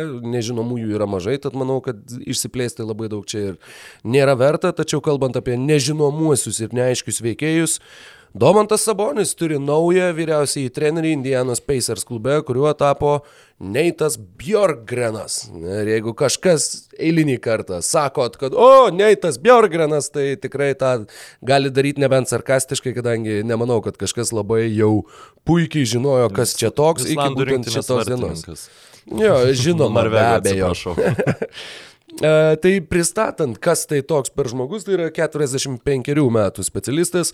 Pastarosius dviejus metus jis dirbo Raptors klube, Niko Narso asistentu ir tai yra būtent Niko Narso e, ne tik bendražygis, bet ir mokinys ir labai daug metų kartu su juo praleidęs žmogus, na, nebūtinai kartu, bet dar 94-5 metais Neitas Bjorgrenas e, žaidė krepšinį Pietų Dakotos universitete ir tą sezoną trenerių štabe buvo 20 27 metų jaunas asistentas Nikas Narsas. Tad prieš 26 metus susipažino šie du žmonės, o vėliau Uh, plus jie būtų yra kilę iš Ajovos valstijos, tad kaip kraštiečiai turbūt greitai surado bendrą kalbą ir 2007-2011 metais uh, Nikas Narsas treniravo NBA tuometinės D lygos Ajovos Energy klubą, kur jo asistentu buvo Neitas Bjorgrenas. Ir uh, atvykdamas į klubą, Bjorgranas būtent į Ajovos klubą taip siekė tos patirties, nes va, pradėjo nuo vidurinės mokyklos trenerio ir taip toliau ir lipo, lipo tais laiptukais visiškai nuo žemiausio paties taško ir atvažiavo į, į Iovos Energy, sutikęs tiesiog dirbti nemokamai. Ir antrais metais už metus jisai gavo 500 dolerių, o trečiais metais 2500 dolerių už metus. Ir uh, jis tiesiog nepilnu etatu dar papildomai dirbo trenerių sporto salėje, dirbo mokykloje mokytojų ir dar tuo pačiu buvo NBA G lygos klubo, tuometinės D lygos klubo trenerio asistentas. Uh, 2011 uh, jis paliko Iovos Energy, išvyko į Dakotos Wizards, uh, kurie antrame iš tų dviejų sezonų, kuriuos jis ten praleido, tai yra nuo 2011 iki 2013, 2012 jie persikėlė į Kaliforniją ir tapo Santa Cruz Warriors, e, tai yra Golden State dukterinė komanda. Ir 2012-2013 e, sugebėjo Bjorgrenas pirmame sezone juos iš minusinės komandos padaryti atkrintamųjų komandą, o antram sezone 2012-2013 metais jo vadovomi Warriors savo debutinėme sezone nuėjo iki finalo, kuriame jie nusileido uh, Rio Grandės slėnio Vipers, kuriuos treniravo Nikas Narsas. Tad uh, prieš septynerius metus, tie prieš 26 metus susipažinę žmonės ir vėliau dirbę kartu ne vieną sezoną uh, susitiko NBA lygos finale. Ir ir uh, galiausiai Dar vėliau jisai dirbo e, Bakersfieldo Jam bei Iovos Energy, e, taip pat sugebėjo ryškiai pakelti rezultatus, atvesti į atkrintamasis. 2015 tapo Jeffo Hornaseko asistentu Phoenix'o Suns, buvo atsakingas ir už žaidėjų tobulėjimą, ką iš pradžių kai perskaičiau pagalau, u, nes iškart prieš akis Draganas Benderis, Markizas Krisas ir kiti, kurie žaidėjų netobulėjimo trenerių darbo padarinys. Žaidėjų. Būkit taip, kaip yra. Nu, taip. Bet daugiau. iš kitos pusės, toje komandoje buvo Devinas Bucheris, toje komandoje buvo ir tuo pačiu ir G lygoje uh, nemažai su šituo treneriu laiko praleido TJ Warrenas, kuris dabar bus jo, jo naujasis auklėtinis. Ir uh, 2017 galiausiai Bjorgrenas kartu su Mehmetu Okūru buvo atleisti iš Phoenixo, tuomet jau klube dirbo Erlas Watsonas uh, ir prisijungė prie Raptors iš pradžių skautų departamento, o 2018 jau tapo pilnaverčiu asistentu Narso trenerių štabe ir tuos porą metų dirbo uh, kartu su Narsu ir tuo pačiu Bjorgrenas yra vienintelis istorijoje uh, žmogus, kuris kaip asistentas tapo ir NBA G lygos, ir NBA čempionu. Lygiai taip pat kaip Narsas yra vienintelis vyriausias treneris, tai Bjorgranas yra vienintelis asistentas. Ir žmogus, kurio, kurio laikas brendo jau labai ilgai ir Kevinas Pritchardas, e, Pacers klubo prezidentas po paskirimo sakė, jog e, tą padarėm po išsamios ir nuodugnios paieškos, kurios metu mes pajutom, jog Neitas yra mums tinkamas treneris tinkamu metu. Ir e, įdomu ir tai, jog sugebėjo Pacers rasti trenerį taip, kad žaidėjai galėtų ir toliau kreiptis coach Nate į vyriausią trenerį. Ir žinoma, aš nebūčiau, aš jeigu nebūčiau pažiūrėjęs, o ar yra taip buvę klubo istorijoje. Tai yra taip buvę klubo istorijoje. Nuo 93 iki 7 dirbo Larry Brownas, 97 atėjo Larry Birdas ir jau tais pirmais metais jisai tapo geriausių sezono lygos treneriu ir po trijų metų Čia žaidė NBA finale. Kad... Uh, be abejonės, tai yra toks sutapimas, kuris iš karto, va, jeigu norit, jeigu remsit man pinigų kapšą prie kažkurios tai kūno vietos, tai šių metų geriausias treneris bus Neitas Bjorgrenas. Bet šiaip visai e, Na, Indianos Pacers e, žaidimo pakeitimas ir geresni rezultatai, negu jie juos pasiekė šį sezoną reguliariajame sezone, visai galėtų lemti tai, kad e, na, bent jau svarstytina kandidatūra būtų naujasis Indianos Pacers treneris. Net nebūtinai dėl to, kad jis yra tokio pat vardo savininkas. Ne, ne, tik dėl to. Tik dėl to. Tik dėl to. Uh, šiaip uh, Viena iš priežasčių, dėl ko Neitas Bjorgranas buvo uh, paskirtas į trenerio poziciją, buvo uh, tai, kad uh, jis neturi įsikandęs kažkokios tai vienos schemos, o jisai prisitaiko prie mhm. krepšininkų galimybių. Ir turint omeny, kad Indianos Pacers krepšininkų situacija per ateinantį sezoną gali labai smarkiai keistis, Viktoras Oladipo Panašu, kad jau paprašė mainų Indianos mm, Pacers. Panašu, kad nepaprašė. Panašu, kad nepaprašė vis dėlto. Ne, bet... jisai, jisai labai, labai pačiam rimčiausiam šaltinėje, kokį esu matęs, va taip žiūrint NBA naujienas, tai Viktoras Oladipo Instagram live pokalbėje su reperiu Fat Joe. fantastika, ne? Sakė, jog jo pagrindiniai du tikslai yra maksimalios vertės kontraktas ir NBA čempionų, kova dėl NBA čempionų žiedų. Tai arba, arba vienas, arba kitas Viktorai. Komanda, kuri dabartiniam Viktorui Oladipui mokės maksimalų. Aš manau, kad niekas jam dabar nemokės. Dabar, nu, net jeigu tavo 30 procentų algų kepurės užima Viktoras Saladipo, tu neturi šansų laimėti čempionų žiedus. Nu, tiesiog e, tas Viktoras Saladipo, kurį mes matėm net ir prieš šitą traumą, turiu omeny, e, po, po to nerealaus sezono, kurį jis turėjo, buvo žymiai realesnis sezonas ir tada Taip. buvo ta trauma. Tai va tas net žymiai realesnis e, e, Viktoro Ladipo sezonas, na, jis nėra vertas maksimalių pinigų. Jis. E, mažiau negu 19 taškų, prastas pakankamai pataikymas tiek į žaidimą, tiek iš toli. Apskritai, Oladipo Na, atsimenu, dar kalbėjom, kai kalbėjom apie Billy Donovaną, tu sakai, kad va ir kaip neatskleidė, va, pažiūrėjau, Oladipo kaip atsiskleidė, kai išėjo iš Oklahomos Indianą. Oladipo septynis sezonus yra sužaidęs NBA lygų, na, tiksliau, praleidęs septynerius metus, jis turėjo vieną gerą sezoną vieną vienintelį gerą sezoną. Ir daugiau visur, kur jisai buvo, jis per tuos septynis metus atkrintamosiose nėra toliau pirmo etapo nuėjęs. Ir uh, apskritai, va būtent, kai žiūri į statistiką, į vidurkius, tai vienintelis, kuris išsiskiria, yra tasai geras sezonas. Visi kiti yra tokie meh. Ir... Na, taip, tačiau te, te, tuos po to sekusius meh sezonus galima, na, taip, na a, prieš tai irgi buvo meh. Ir taip, po taip. to irgi buvo meh. Taip, kad tarp dviejų mech, mech išeina toks mech muštinis, kuriame per vidurį va, buvo kažkas skanaus, bet ta visa bandelė yra labai sudžiūvus. Nu, taip, tai viena, viena bandelė, prieš šitą filmą. Viena bandelė yra e, Orlando Magic ir, ir Billy Donovanas, o kita bandelė yra traumas. Na, tai sakyčiau, e, aš vis dar randu šiek tiek pateisinimo Viktorui Oladipo dėl jo e, kritusios formos, tačiau šiaip Manau, kad nežais vis dėlto Oladipo, e, neužbaigs tiksliau sezoną Indianas Pacers, jeigu vis dėlto pavyks jį kaip nors išmainyti.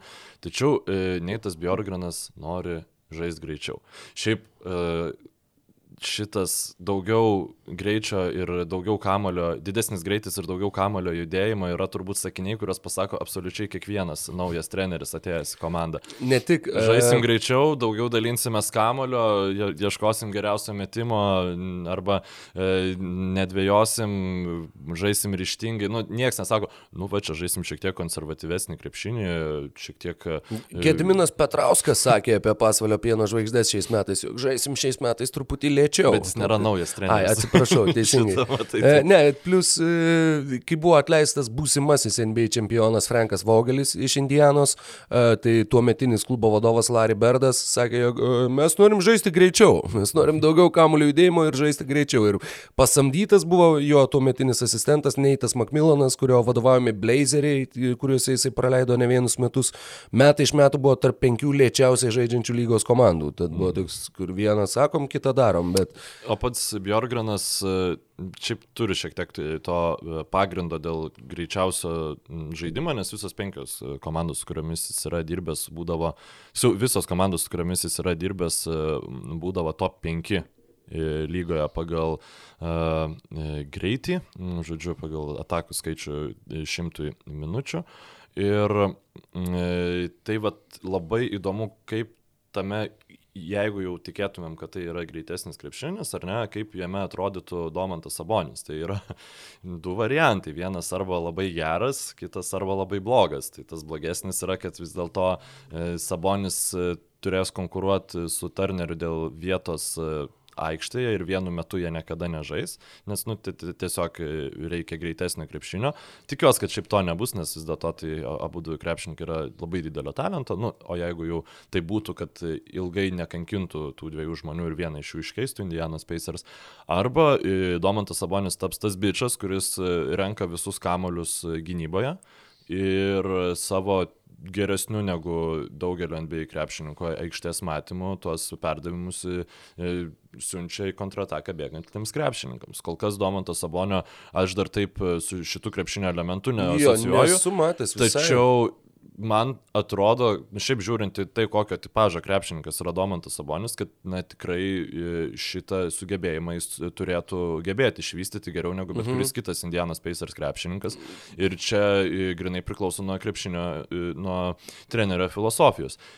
Kitas dalykas yra, kad net at, jeigu negalvotumėm apie Sabonio ir Turnerio tandemą, Pacers ne, krepšininkai netoptelna kaip tie, kurie galėtų daug bėgti ir, ir mm, žaisti krepšinį greitai, nes, na, tiek Brogdonas. Tiek Aarono Holiday. Aarono Holiday ir netgi, sakyčiau, gal TJ McConnelly, kuris šiaip iš tikrųjų gan, gan, gan yeah. vikrus yra, tačiau, na, šiaip, tu ne, nekonstruoji savo komandos identiteto aplink antrą, antrą ir trečią žaidėjus komandos. Tai Brogdonas yra lėtesnis negu yra įprasta jo pozicijai, Warrenas yra lėtesnis negu yra įprasta jo pozicijai netgi jeigu jau Warreną kalbėtumėm kaip apie ketvirtą numerį, dabar dauguma ketvirtų numerių yra iš tikrųjų labai atletiški ir, ir greitesni kraštai. Tai, na, manau, kad ne, ne, nematysime Spacers top 5 e, pagal e, komandos greitį, tačiau vat, būtent e, tas krepšinio elementas galbūt net ir galėčiau spėti, kad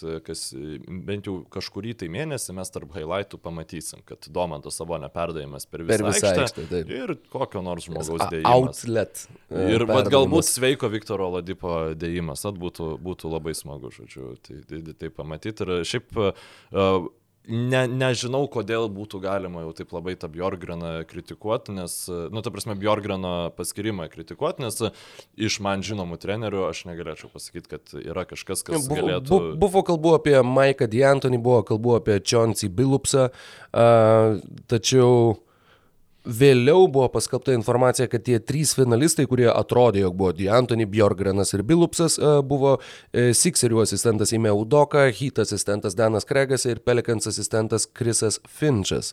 E, tad nei D'Antoni, nei Čionsi Bilupso ten nebuvo. Nors mm. tuo pačiu dar du Indianos žiniasklaidos, Indianapolio vieną, vieną žurnalistą teigiantį, jog Čionsi Bilupsas tiesiog ignoravo Zumo skambučius ir, na, iš esmės netvyko į susitikimą, ne, ne, netvarė į pokalbį dėl darbo. Ne, neužsidėjo, žodžiu, jo, kažkaip kelnių ir... Jo, jo, ne, nu, nu, patink, patingėjo lipti iš lovos. Jo, e, jo po atleidimo, po Makmilno atleidimo, Pritchardas irgi sakė, jog tikisi to modernesnio krepšinio.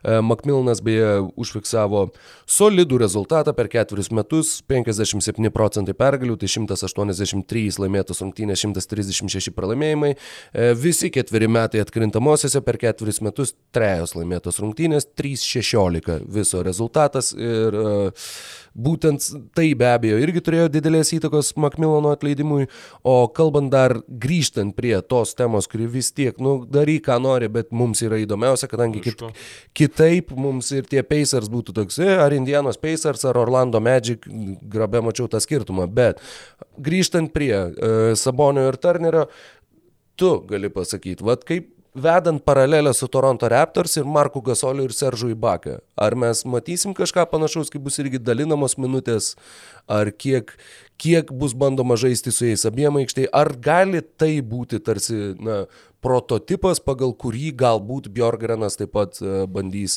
bent jau pradžioje, sakykime, bandys spręsti šitą dviejų aukštų ūgių situaciją. Na, šiaip sakyčiau, kad tikrai ne, nes e, Turneris yra mobilesnis negu Ibaka. Ir Sabonis yra mobilesnis negu Gazolis, tai, nu, ta prasme, jų dviejų sutalpinimas aikštė yra e, nors ir problematiškas, žymiai mažiau problematiškas negu būtų Ibakos ir Gazolio, kas, nu, ypač dabartinio Marko Gazolio. E, kalbama, kad būtent Bjorgrenas yra prie, tas žmogus, kuris pasiūlė Narsui naudoti Box and One e, taip. dėžutę. Jis ar, radau, kad ir buvo taip. Prieš, taip. prieš karį 2019 m. finale. Tai kas rodo, kad Bjorgrenas yra labai gerai susipažinęs su zonos gynyba ir jos variacijomis, o būtent tokio stiliaus gynyba e, dominavo atkrintamosiose varžybose ir beveik kiekvienoje serijoje mes pamatėm e, jos elementus ir kuo aukštesnį, kuo vėlesni raundai, tuo daugiau zonos buvo žaidžiama. E, ir manau, kad galime mes to pamatyti. Ir aš iš tikrųjų nesakyčiau, kad būtinai Pacers turėtų eiti tą linkmę, kad rotuoti Turnerį ir Sabonį, ta prasme, vieną iš jų padarant atsarginiu. Ir man, mano nuomonė, tai yra per didelio talento ir per didelės vertės krepšininkai, kalbu tiek apie Sabonį, kuris yra All Staras ir mm, main, nu, su, galėtų iškeisti gerai. Tikrai galėtų iškeisti gerai Domantas Sabonį, nes tai yra žmogus, kuris labai pakelia, pakelia komandos grindis. Uh, o Turneris yra žmogus, kuris labai pakelia komandos lubas. E, tu prasme, tai e, jeigu tu nusprendi, kad jų, jie negali žaisti aikštėje kartu 35 minučių atkrintamosiose, tai tada reikia vieną iš jų keisti ir tiesiog susitaikyti su realybė, kad turi du e, labai gerus duonos kepalus, bet duoniniai vietos yra vienam ir leis kitam džiūti kažkur šalia arba dėti šalituvą, kur paskui jis bus neskanus, iš ten sutraukus, nu, žodžiu, yra prastas sprendimas. Tu irgi tai... turbūt be pusės pusryčių, mūsų kažkaip palyginimai su maistu šį rytą. Bet... jo, tai tiesiog manau, kad nelabai ne, ne, ne labai, svarbu bus Bjorgrenui, kaip buvo menedžinami Gazolius ir Ibaka, plus Raptors turi Siakamą, nu, žodžiu, ir šiaip manau, kad... Pacers turi Voraną labai skirtingas stilius krepšininkai, tik tai pozicija galbūt panaši ir, ir tiek, tiek kaip jie žaidžia polime ir kaip jie susirenka didžiąją dalį savo taškų yra vis, visiškai jo, skirtinga. Tai, be abejo. Tai šiaip manau, kad tikrai Jeigu, pavyzdžiui, būtų Dentonį e, pasiemęs, e, pasiemę Pacerį, tai sakyčiau, kad Sabonio dienos suskaičiuotas yra, nu, tiesiog būčiau įsitikinęs. O dabar pasimtas treneris e, Lankstus, kuris, manau, tiek ir spaudimo neturės labai didelio, o dar dėl Gentry norėjau paminėti, tiesiog, kad, nu, labai jo situacija Paceriuose priminė keisi situaciją Toronto Raptors, tiesiog vien iš fanų. Turėjau menį Macmillaną. O aš sakiau. Gentry. Gentry, taip, turėjau omeny Macmillaną, bet šiaip ir Gentry Pelikans iš tikrųjų labai panaši situacija buvo. Kažin, tai. kas juos visus sieja? Hmm. Taip, e, kažin.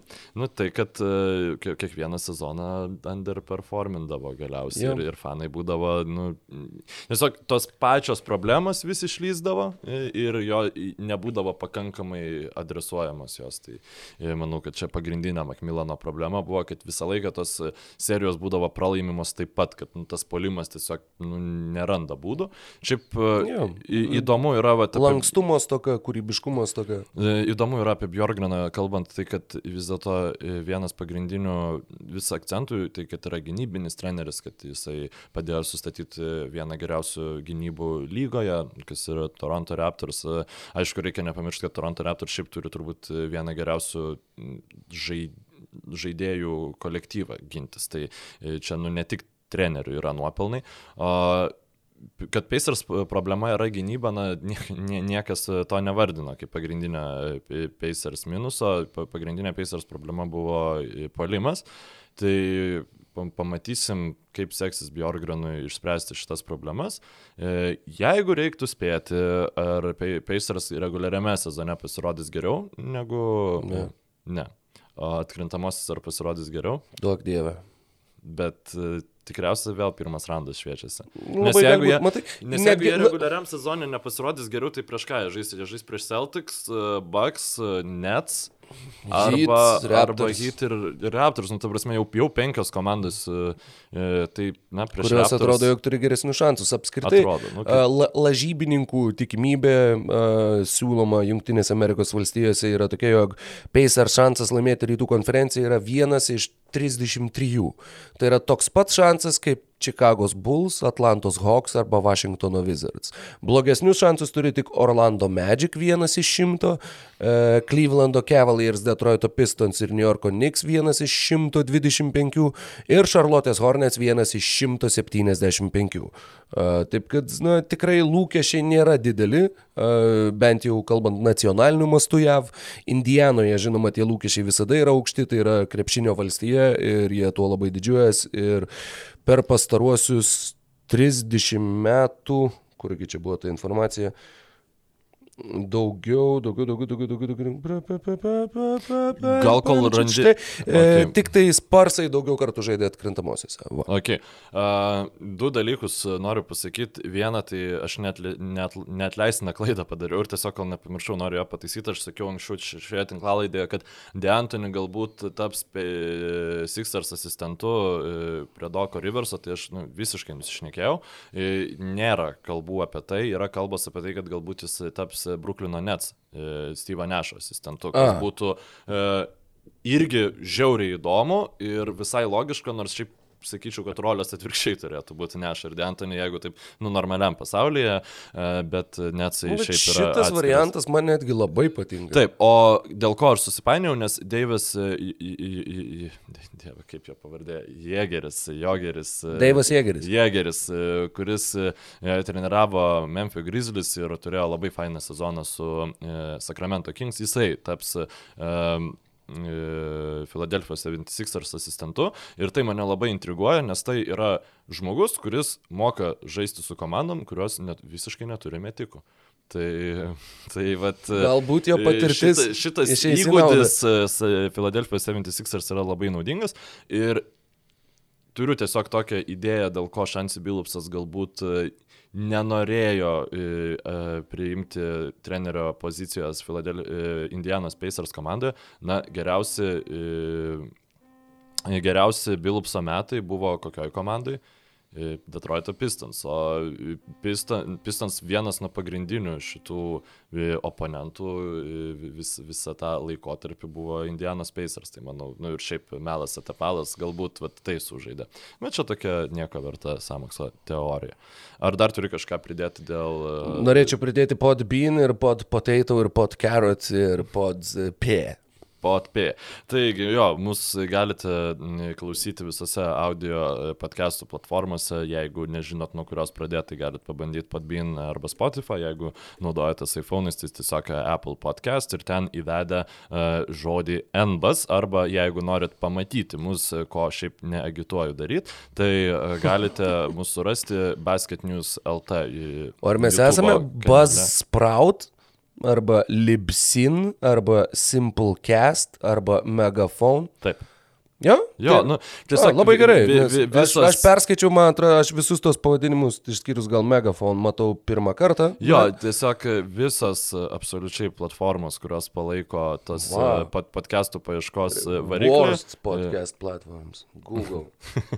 Žodžiu, tai va, e, tai mus galite surasti ten. Labai ačiū patronams ir e, šiaip noriu pagituoti šiek tiek mūsų klausytojus, nes dabar mes turim ypač iki NBA naujokų biržos tokį laikmetį, per kurį galbūt nelabai kas e, tokio seismiško ir intriguojančio, apart dar e, trijų komandų, kurios vis dar neturi trenerio, tai Pelicans Rockets ir Thunder, iš kurių, na, dviejų treneriai man e, kelia labai didelį susidomėjimo o Thunder, tai e, nemanau, kad bus svarbu, kad ta komanda treniruos žymiai svarbiau, e, kur jų lyderiai iškeliaus ir ką jie gaus už tos lyderius e, vasarą. Tai e, Jeigu turit kokiu nors prašymu arba idėjų, apie ką norėtumėte išgirsti mūsų su Roku kalbančius, e, pasisakykit komentaruose. Mes su Roku galvojam galbūt e, kokį dedikuotą podcastą mm, NBA legendoms padaryti, apie jų karjeras pakalbėti. Galbūt yra mažiau žinomi krepšininkai, kuriems yra įdomus. Rokas e, tikrai sugeba in- internete iškasti informacijos, kur visada būna labai įdomu klausytis. Ir, Tai tiek, tada ačiū, kad e, klausėtės mūsų ir iki susiklausimo kitais kartais. Laimingai.